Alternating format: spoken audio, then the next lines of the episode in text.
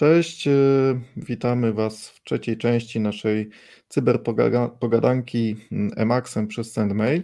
E, dzisiaj w trochę okrojonym składzie zaczęły się już wakacje. Mm, Krzysztof e, nie dał rady dzisiaj do nas dołączyć, ale z Piotrkiem postanowiliśmy omówić taki gorący dosyć temat, ponieważ pojawił się pewien nocny koszmar, mm, z którym administratorzy serwerów Windowsowych muszą sobie pilnie poradzić. Print Nightmare, jeżeli kojarzycie, taka podatność, która e, w ubiegłym tygodniu została e, ogłoszona przez Microsoft. E, jest to temat dosyć pilny, temat, którym jeżeli jeszcze się nie zajęliście w swoich środowiskach, to na pewno warto się zainteresować, bo już interesują się nim cyberprzestępcy, już jakieś pierwsze eksploity się pojawiły. Piotrek, przybliżysz trochę temat, o co chodzi i, tak, tak. Witam i z czym związana jest podatność. Witam wszystkich, ten urlopowy, e, wakacyjny czas.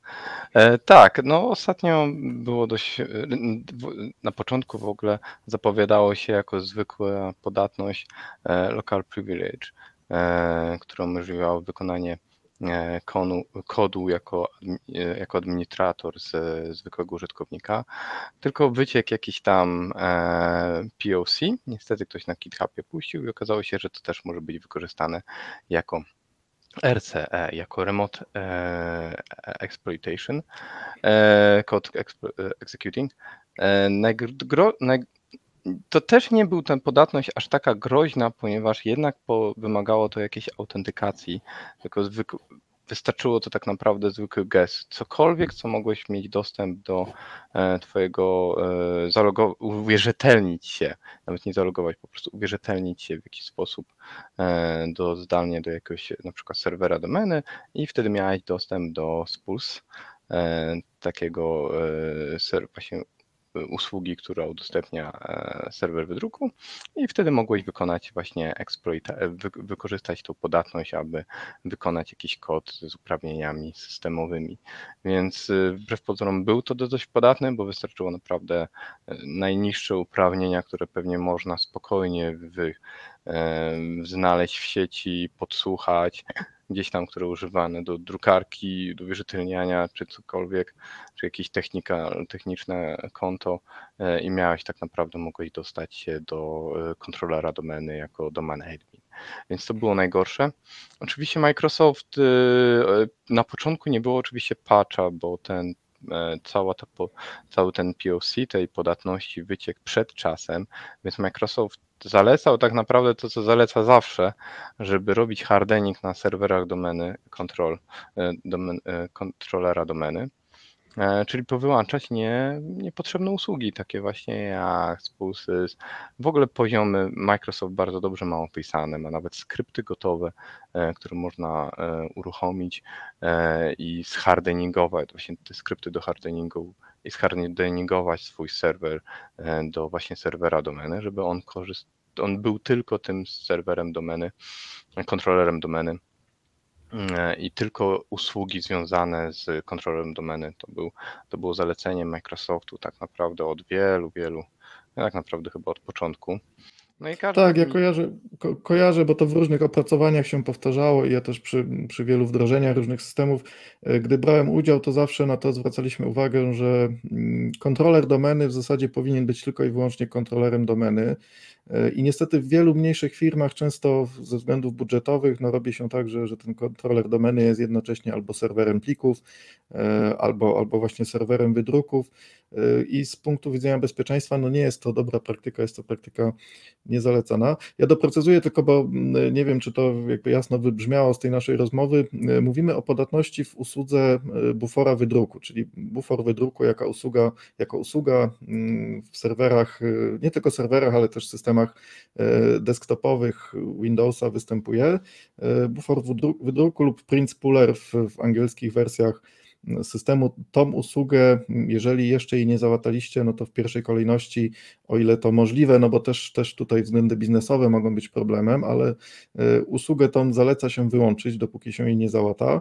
E, no zdecydowanie, jeżeli macie gdzieś wystawioną tą usługę mm, na zewnątrz do świata e, po, po jakimś adresie publicznym, to nawet nie usługę, tylko w ogóle port, e, w ogóle NetBIOS, czyli wszystkie porty właśnie e, chyba 135, 139 i 445. Jeśli każdy ktoś ma udostępniony ten, e, te porty, to w ogóle polecam zamknąć je. One są naprawdę do tak, tak, tak, bo... A to już któraś podatność, która wykorzystuje mhm. właśnie te porty od łona kraja, tak naprawdę. Dokładnie, właśnie chciałem o tym wspomnieć, że chyba pierwszym takim głośnym e, bugiem, który, od którego się zaczęły te, te duże takie masowe ataki, to był e, bug w protokole SMB w 2017 roku w maju podatność, która no, z wielu względów była krytyczna. Po pierwsze, RCE, czyli ten Remote Code Execution, nadawał możliwość takiego zdalnego eksploitowania systemu. Po drugie, nie wymagało to jakiejkolwiek reakcji ze strony użytkownika i te, z tego korzystał między innymi pierwszy z takich głośnych ransomware'ów, czyli, czyli WannaCry i później jego następca NotPetya.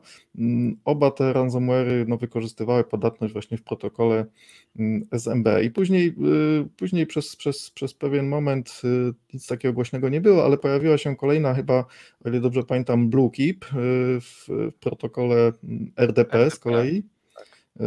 Też, też no podobnie jak, jak z tą poprzednią znałem, miałem okazję e, badać kilka takich incydentów, gdzie właśnie sieć została e, jakimś ransomwarem zaatakowana, bo okazało się, że jakiś zdalny pulpit ktoś tam z administratorów wystawił gdzieś kiedyś do internetu, zapomniał o tym i, i w ten sposób sporo, sporo serwerów było, było w ubiegłym roku bo to była taka podatność z, z ubiegłego roku. E, no sporo serwerów było tym przejmowane, infekowane, całe botnety też e, powstawały.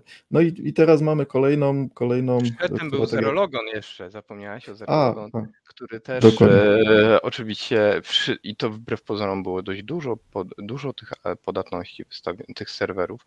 Zerologon atakował tylko do, kontrolery domeny e, i właśnie też przez SMB przez port SMB e, i umożliwiał, i wbrew umożliwiał właśnie bez problemu przejęcie całego, całego domena, kontroler domeny i w Polsce było dość dużo serwerów wystawionych. Ja nie pamiętam, tutaj razem z e, POKiem, e, z polską cyberobroną zapraszam w ogóle na stronę pod.org.pl, która się wtrąciłem w Fredek. E, właśnie tam był raport, który żeśmy właśnie monitorowali, e, ile tych serwerów było. Tu, ale też to, te wszystkie serwery tak naprawdę zostały podłączone do internetu wbrew zaleceniom Microsoftu. Mhm.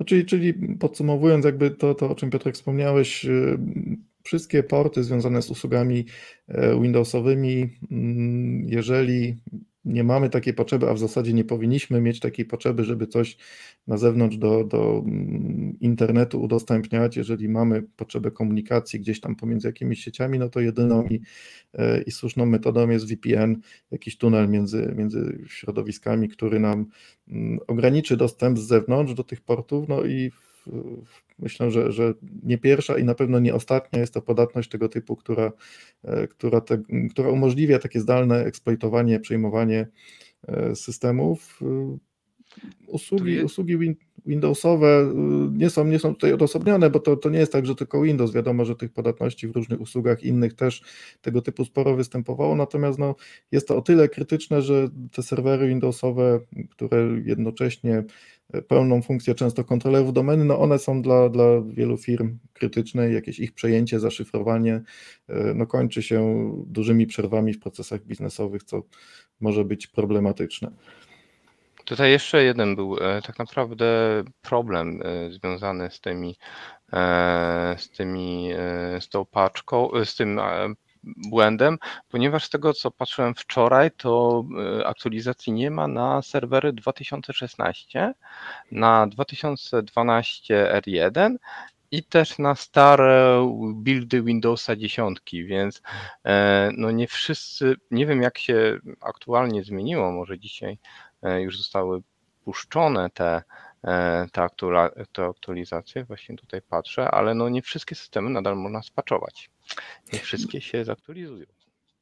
Nie wiem też, czy, bo ja dziś, dzisiaj co prawda nie miałem czasu na to zerknąć, ale jeszcze wczoraj jak patrzyłem, to chyba ta łatka Microsoftowa, ona łatała tylko tam podatność e, RCA, czyli ten Remote Code Execution, tak, tak. A Local Privilege Escalation LPE dalej jako, jako klasa podatności mm, pozostała, czyli no też jeżeli, jeżeli nawet gdzieś tam nie na świat, ale mamy lokalnie te, te usługi bufora wydruku mm, w infrastrukturze firmowej pootwierane, no to jest, jest dalej takie zagrożenie, że gdzieś jakiś intruz, który, który w naszej sieci się pojawi albo który się do niej przez komputer któregoś z użytkowników dostanie, no będzie miał taką ułatwioną furtkę do tego, żeby e, przez tą usługę te uprawnienia sobie w systemach Windowsowych podnosić do systemowych, bo, bo, bo na tym ten, ten błąd e, polegał, że dowolny użytkownik uprawnienia systemowe e, mógł dzięki niemu mm, pozyskać. Tak, sprawdziłem właśnie dzisiaj, dzisiaj Microsoft uaktualnił i, mm, i wrzucił na wszystkie systemy, e, ale też było w ogóle bardzo dużo takiej zamieszania z tym związanym z podatnością, bo okazało się, że właśnie nawet jak się e, zaktualizuje serwery 2019, to nawet jak e, to, to jeśli one mają rolę domena kontro, kontrolera domeny, to wtedy ta aktualizacja nie działa, więc tak naprawdę a ta, ten POC został wypuszczony kiedy? Pierwszego? No, no ja nie śledziłem, szczerze mówiąc, od początku, ale. ale... Pierwszego, więc dopiero dzisiaj tak naprawdę e, zostały to w 100% dostarczone aktualizacje, więc. POC, ja może tylko do, Mhm, ja przepraszam, Piotr, dopowiem tylko może, bo wiem, że, że słucha nas też sporo osób, które gdzieś tam w security są początkujące. E, POC to jest taki skrót e, oznaczający proof of concept, czyli e, taką, taki, taki mm, opisowy szkielet jakiegoś exploita, czy, czyli mm, pokazanie w formie takiej nie do końca gotowej do użycia, jak może wyglądać exploit na daną podatność. I na, na podstawie takiego POC najczęściej powstają gotowe exploity. Tutaj też y, chyba błędem było to, że, że, że ten POC gdzieś tam, z tego co czytałem, wyciekł trochę y, przez przypadek, za wcześnie został udostępniony, zanim jeszcze, no, tym bardziej, że do teraz jeszcze pełnej tej łaty na, na obie klasy podatności nie mamy, więc to też było takim y, trochę nie, nieprzewidzianym zbiegiem zdarzeń, który spowodował, no, że na pewno na dniach pojawią się jakieś głośne incydenty związane z tą podatnością i z jej wykorzystaniem. Tak, więc no. no, było dość dużo zamieszania z tym. E, dość dużo, dużo długo zajęło. E, tak, podatność właśnie, ten, ten kod, który pokazuje, jak wykorzystywać to exploit, właśnie wyciekło na GitHub, ktoś po prostu źle kliknął. E, no zdarza się. No i, i co ciekawe, też, też z GitHuba to zostało szybko ściągnięte, ale, ale jak to w internecie bywa, mm, ktoś już zdążył to, to zbackupować i exploity gotowe już niestety są e, w internecie dostępne. Y, Pomówmy teraz może trochę o tym, y, bo mówiliśmy o tym, no, że mamy, mamy, mamy taką kolejną popularną podatność i powinniśmy no, albo usługę wyłączyć, albo ją spaczować, y, gdy już ten patch będzie dostępny. Jak, jak sobie z takimi zagrożeniami radzić? Jeśli chodzi o podatności, które się pojawiają w znanych usługach, no bo nie jest to niczym nowym, nie jest to pierwsza, nie jest to ostatnia tego typu sytuacja e, i wiele firm niestety mm, no musi, musi się przygotować na to, żeby tego typu zdarzenia w przyszłości obsłużyć, jeżeli dotychczas tego nie robiły. E, często niestety no z mojego doświadczenia bywa tak, że dopiero po pierwszym takim poważnym incydencie, gdy e, któraś z takich usług podatnych zostanie zeksploitowana, gdzieś jakiś serwer zostanie przejęty, zaszyfrowany, to dopiero mm, od tego momentu pojawia się zainteresowanie tematem e, obrony przed tego typu, typu, typu zdarzeniami w przyszłości. I może warto na tym etapie już, e, jeżeli jeszcze nic przykrego Was nie spotkało, to pomyśleć o takim procesie, o taki podstawowy proces, który powinien się w każdej mm, organizacji z infrastrukturą techniczną pojawić, to jest proces zarządzania podatnościami. No, proces zarządzania podatnościami powinien się tak naprawdę z kilku y, elementów składać. Pierwsze, co ja bym sugerował, to y, jakaś inwentaryzacja, czyli posiadanie takiej bazy, w której my jesteśmy w stanie mm, zewidencjonować wszystkie posiadane przez nas systemy, włącznie z informacjami o wersjach używanego oprogramowania. E, bo to nam ułatwi reakcję na tego typu incydent. Jeżeli słyszymy, że jest jakaś nowa podatność w określonej wersji jakiegoś systemu czy usługi, e, no to taka baza inwentaryzacyjna pozwoli nam szybko ustalić, ile my takich systemów i w jakich miejscach w swojej infrastrukturze mamy. To, czyli ta inwentaryzacja to jest taki jakby pierwszy, e, pierwszy krok e, zalecany do tego, żeby, żeby jakoś sobie z tym radzić. No druga rzecz to jest na pewno jakiś proces skanowania podatności, bo mm, bez tego trudno tak naprawdę sobie wyobrazić bezpieczną infrastrukturę. Proces skanowania podatności powinien się odbywać regularnie. Polega on na tym, że takimi narzędziami, skanerami, które, e, które uruchamiamy w naszej sieci, skanujemy całą sieć, ewidencjonujemy, te skanery potrafią rozpoznać usługi, czy to po, e, po portach, czy po banerach, którymi te usługi się e, przedstawiają. Są w stanie też w znacznej części ustalić wersję oprogramowania, które mm, jest używane do świadczenia danej usługi. I skanery podatności zostawiają sobie tą, te informacje o uruchomionych w danym środowisku usługach e, z takimi bazami CVE. CVE to są, to są takie bazy Common Vulnerabilities and Exposure, czyli takie bazy, takie rejestry znanych podatności mm, zidentyfikowanych e, w popularnych usługach, systemach. Te, te, te, ta, ta baza CVE, taka główna, jest utrzymywana przez amerykańską e, organizację Mitre, cve.mitre.org, to jest taka strona, gdzie, e, gdzie możemy sobie poznać e, szczegóły, pobrać takie bazy podatności, mm, śledzić to, co się w takich bazach pojawia. Natomiast co o czym jeszcze warto pomyśleć? Warto też y, wiedzieć o tym, że, że te bazy CVE to nie są takie bazy kompletne.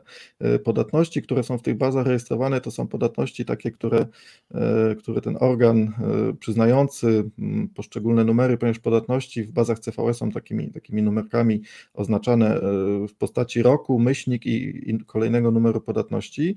Mm, I te numery są przyznawane takim podatnościom, no, które są uznawane za rzeczywiście poważne, za, za takie, które mm, dotyczą usług wykorzystywanych przez, przez y, jakieś, jakieś większe ilości użytkowników. Natomiast mamy też całą masę takich podatności drobnych w różnych drobnych usługach, jakichś na przykład y, pluginach do, do WordPressa, w jakimś oprogramowaniu, które jest y, często używane przez niewielką grupę osób, można powiedzieć nawet niszowe.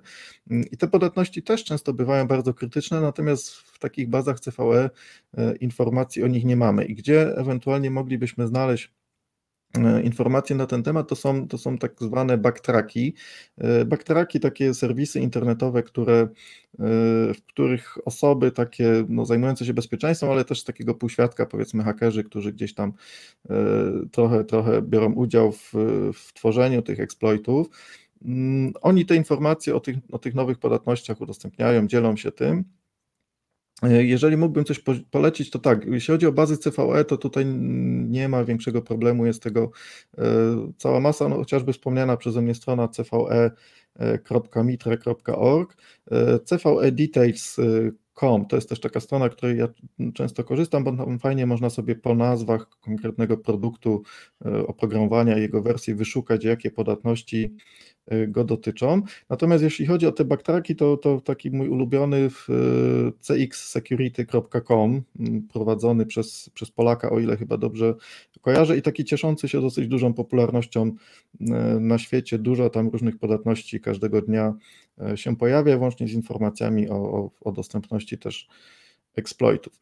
I to jest myślę taki proces, który w każdej organizacji no, powinien być wdrożony. Czyli pierwsza rzecz, podsumowując jeszcze, tak, pierwsza rzecz inwentaryzacja tego, co mamy, y, druga rzecz skanowanie tego i to są rzeczy, które się uzupełniają, ponieważ no, skanowanie, nawet jeżeli okresowo y, wykonujemy co jakiś czas, y, no to nie wykonujemy go codziennie i taka podatność jak ta, o której dzisiaj na wstępie mówiliśmy, jeżeli się pojawia, to nie możemy czekać do, do kolejnego skanowania, które odbędzie się na przykład za parę tygodni, czy może miesięcy, czy, czy może jeżeli ono się odbywa raz w roku, to, to w ogóle już jest to, jest to zbyt długi okres na oczekiwanie, więc to, to, e, skanowanie co jakiś czas jest uzupełniane tą e, inwentaryzacją i śledzeniem takim na bieżąco e, do, doniesień o tych, o tych podatnościach, które się pojawiają, więc tutaj też śledzenie takich serwisów zajmujących się bezpieczeństwem i tych baz, chociażby CVE, tych backtracków, no jest, jest niestety niezbędne. Ktoś, ktoś musi w firmie mieć na to czas i musi być za to odpowiedzialny, bo bez tego tak naprawdę trudno wyobrazić sobie e, bezpieczne środowisko. Tak, tutaj bardzo pomagają. To tak naprawdę też zależy, tak naprawdę, ile chcemy wydać na te e, skanery, bo oczywiście możemy wziąć zwykłego Nmapa, skanować naszą sieć, to jest tak wcale nie głupim pomysłem, szczególnie, że kiedy zaczynamy, zamiast kupować długie licencje. Przy okazji z tych wyników Nmapa będziemy wiedzieć, co mamy podpięte w sieci, bo większość firm bardzo się dziwi, po pierwszym w skanach podatności, bardzo się dziwi, co, on, co tam użytkownicy, co tam jest podłączone. W końcu oni tego nie mają w swojej inwenturze, a tam jest dużo dziwnych rzeczy. Do Nmapa mm -hmm. jest bardzo dużo fajnych pluginów, może dorzucimy do, do linka, jest fajny plugin e, na GitHubie, który e, automatycznie sprawdza wersje, e, które ściągnął Nmap, czy właśnie te wersje aplikacji, które zostały wykryte, czy nie mają już podatności. Więc bardzo fajnie za darmo można sobie zrobić. Można coś wziąć OpenVAS, OpenVASa, tak naprawdę, który już jest skanerem podatności. Tylko oczywiście trzeba liczyć się, że to dużo więcej czasu zajmuje. No i też możemy sobie popsuć jakieś usługi przy skanowaniu podatności. Mhm. OpenVAS, A... ja, ja dopowiem tylko może OpenVAS, jeżeli byście szukali, teraz, teraz to jakiś czas temu nastąpiła zmiana. On jest dostępny teraz pod nazwą e, GVM, Greenbone Vulnerability Manager. I też y, o OpenVASie mieliśmy taki, myślę, fajny wprowadzający artykuł y, na blogu. Jeżeli wejdziecie na opensecurity.pl i, i wyszukacie gdzieś tam w wyszukiwarce skanowanie podatności taki temat, y, to tam właśnie artykuł dotyczący mm, GVM-a i wprowadzający trochę w ten świat znajdziecie. Mamy też taki na blogu krótki kurs poświęcony skanowaniu podatności z użyciem, z użyciem GVM-a, więc też jeżeli gdzieś byście chcieli się z tym tematem zapoznać, a nie mieliście wcześniej do czynienia, to, to gorąco e, polecamy. No i mm. oczywiście są e, płatne produkty, które mają nawet funkcjonalność agenta, którego instalujemy na danych serwerach i tak naprawdę wiadomość o podatności mamy w czasie, można powiedzieć, w czasie rzeczywistym ten agent skanuje 6 go, co 6 godzin i automatycznie podaje Ci informację, że na przykład jakaś podatność taka jak ta została. Tylko, że co z tego, że dostaniemy taką wiadomość, jak nie ma aktualizacji. No, ta podatność miała parę dni, gdzie ten, no wiemy, że już skany gdzieś tam były, tak samo jak przy Exchange'u, nie wiem czy pamiętasz właśnie tej podatki, nie, zapomniałem jak ona się nazywała, jak H, coś było. Ostatnio też, które w ogóle dużo, dużo też firm w Polsce zostało zhakowanych, no i nie było przez długo na nich podatność, dlatego no, też musimy chyba tutaj dać linka do hardeningu tych wszystkich systemów, e, żeby to tak, no to, to, jest, to jest taka rzecz, ja może też powinienem o tym wspomnieć, bo mówiliśmy o mm, zarządzaniu podatnościami, ale no zarządzanie podatnościami to jest jakby tylko połowa sukcesu, ono musi iść w parze z procesem zarządzania aktualizacjami, bo sama informacja, tak jak Piotrek wspomniał, że mamy e, jakiś problem, no to jest tylko pół sukcesu, musimy jeszcze mieć wdrożone jakieś e, procedury czy, czy systemy, które nam tę aktualizację umożliwią wdrożyć na poszczególnych systemach. I to też, też jest rzecz, o której czasami się zapomina. Nie wiem, nie wiem jakie twoje jest doświadczenie, bo ty w, trochę firm tam już y, miałeś okazję w swoim życiu y, obsługiwać. Ja też, też pracując przez wiele lat u integratora y, IT też wiele środowisk, wielu klientów widziałem i powiem szczerze, że no niestety mm, takie, takie procesy zarządzania podatnościami czy aktualizacjami to jest coś, co niestety nie zawsze występuje, a można nawet powiedzieć, że z mojego doświadczenia statystycznie to mało kiedy występuje. W mniejszych środowiskach jest to niestety rzadkość.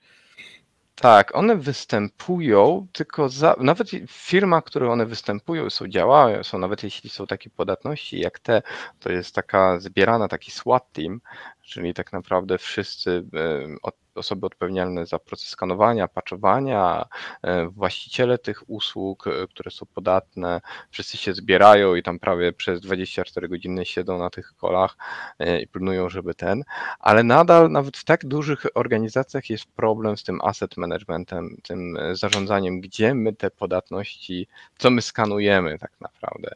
Bo sam mhm. proces skanowania może spowodować jakieś błędy na aplikacjach, które no, no są różne aplikacje, stare serwery, stare ten i one czasami te aplikacje się wysypują. Nie zawsze zespół, który skanuje tysiące hostów ma czas, żeby stuningować ten skaner i po prostu e, robi ekskludy, czyli wyklucza to ze skanów. No i też jest później problem, co my mamy, gdzie my mamy. Często jest po prostu też to w dużych firmach załatwiane tak, że no, no wiemy, że mamy to podatność, ale po prostu mamy ryzyko które jak jakieś akceptujemy, po prostu e, no nie mamy pieniędzy, żeby to zaktualizować, ale za to są na przykład wstawiane jakieś takie małe urządzenia, firewall przed tymi urządzeniami, które pilnuje, że e, ta podatność nie zostanie jakoś tam wykorzystana. No i większość dużych firm oczywiście większość i nie zawsze, to nie jest tak, że zawsze, no próbuje nie stawiać wszystko od razu bezpośrednio podpięte do internetu. Zawsze jest ten firewall, ten IPS, czy na samym serwerze są jakieś systemy monitoringu, e, czy nawet host intrusion protection, które w jakiś tam sposób tymczasowo mogą e, zabezpieczyć ten serwer, jeśli on będzie podatny, to ta podatność nie zostanie wykorzystana, a jeśli zostanie wykorzystana, to mm, osoba, która wykorzysta tą podatność, nie przejdzie dalej, nie wyskoczy spo, spoza tej aplikacji do innej sieci. Więc w dużych firmach jest to robione. Oczywiście to nigdy nie jest na 100%, E, w małych firmach jest to w ogóle nie robione. No jest różnie. Ja tak myślę, że to jest tak, że po prostu czym, e, czym większa firma, tym tak. większa jest ta świadomość i, i, i, tym więcej się robi, ale z kolei tam złożoność takiego procesu jest też dużo, dużo większa. I, i mimo świadomości, mimo chęci, e, to nie jest to wszystko tak idealne, jak, jak by się chciało, żeby było. No i zderza się też zawsze jest zderzenie tego świata security ze światem biznesu, coś co my byśmy chcieli mieć ładnie tutaj zabezpieczone, odseparowane i, i gdzieś tam schowane, to niestety różne, różne procesy biznesowe wymagają, żeby było udostępnione często i no kwestia, kwestia analizy ryzyka, tak, jakiejś akceptacji jakiegoś poziomu ryzyka, kwestia zbalansowania kosztów e, ewentualnej szkody z kosztami zabezpieczenia się przed tą szkodą. Tutaj skanowaliśmy właśnie na podstawie chyba Exchange'a, właśnie też z Polską Obywatelską Cyberobroną, eee, właśnie ostatnio na Exchange i w wynikach było to, że właśnie 80% nadal podatnych serwerów to były małe firmy, e, które po prostu ktoś im skonfigurował serwer, no i on leży, bo nikt nie wie, że go trzeba aktualizować. Miało być tanio i on tak leży. Y, małe firmy. Nie wiem, czy czytałeś wczoraj y, gdzieś tam chyba na, na wirtualnej Polsce był artykuł o analizie bezpieczeństwa serwerów y, sejmowych. Tak które gdzieś tam no, korzystają na, na w jakiejś pierwszej linii chyba z Lotusa, ale, ale gdzieś tam też w jakiejś mierze wykorzystują exchange i te exchange też no, pozostały wiele, pozostawiają wiele do życzenia, jeśli chodzi o tak. e, ich aktualizację. Ten, ten, ten Lotus też chyba to z tego co pamiętam Grzegorz Tworek gdzieś tam się wypowiadał, że, e, że ten Lotus jakiś bez tam ostatnich fix packów sobie e, pracuje, no więc nie jest to niestety mm, temat łatwy i, i mało kto może sobie na to pozwolić, żeby te procesy tak w takiej książkowej, idealnej formie mieć wdrożone. Y, tak patrzę na zegar, mamy 27 minut. Y, zakładaliśmy sobie zawsze te ramy czasowe, takie, że się w pół godzinki będziemy y, zamykać z naszymi pogadankami. Myślę, że z racji tego, że temat ten, ten no jest gorący i, i pilny, to, to w skrócie trochę go was, Wam streściliśmy na tyle, żeby Was zainteresować i żebyście e, przyjrzeli się w swoich środowiskach, jeżeli e, gdzieś tam jeszcze tego nie zrobiliście, nie spaczowaliście. E, I myślę, że na tym dzisiaj zakończymy. Pojawimy się, mam nadzieję, kolejnym razem już w komplecie z Krzyśkiem i, i miejmy nadzieję, że już jakichś kolejnych podatności groźnych nie będziemy musieli omawiać, a może, może będziemy mieli okazję podsumować i zamknąć ten temat tego print Nightmare'u. E, a na dzisiaj w takim razie dziękujemy Wam za wysłuchanie. Dziękujemy. I do zobaczenia, do usłyszenia przy kolejnej okazji. Cześć. Cześć.